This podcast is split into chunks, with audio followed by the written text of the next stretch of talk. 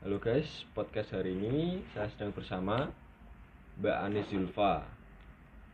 Halo, Mbak Anis, bisa diceritain nih kesehariannya ngapain aja? kalau nggak bisa gimana dong? ya harus bisa. Oke oke. Eh, kegiatan seharian berapa hari?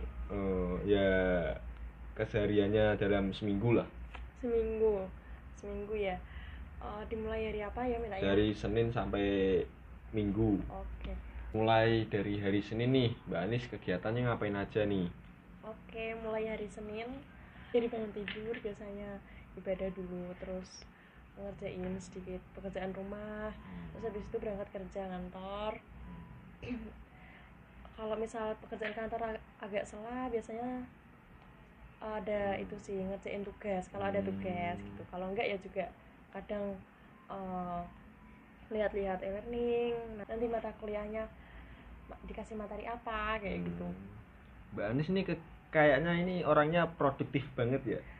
eh harus harusnya sih Hmm. tapi kadang juga ada malesnya gitu Oh, ya namanya juga manusia, mas-mas dikit gak masalah. oke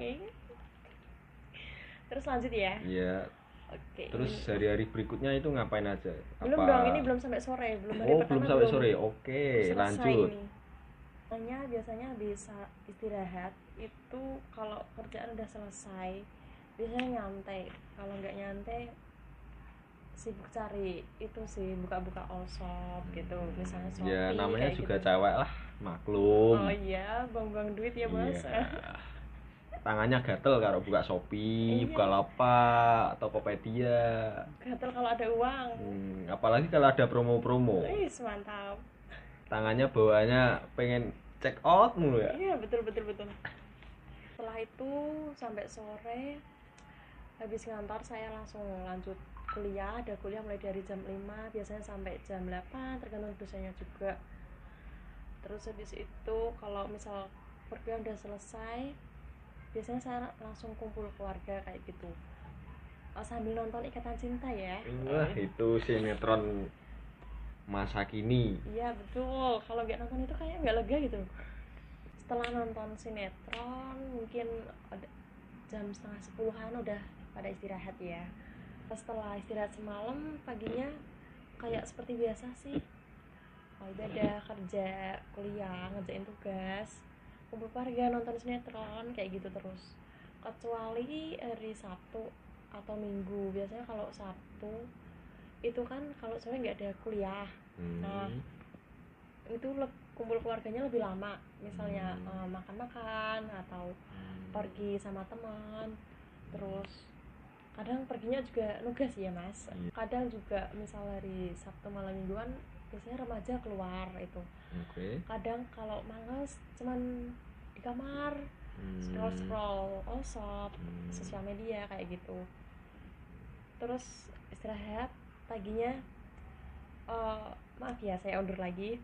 Biasanya malamnya saya udah schedule untuk hari minggu ngapain aja. Misal Hmm. pagi bersih bersih atau gimana gimana terus hari minggunya ngapain aja gitu.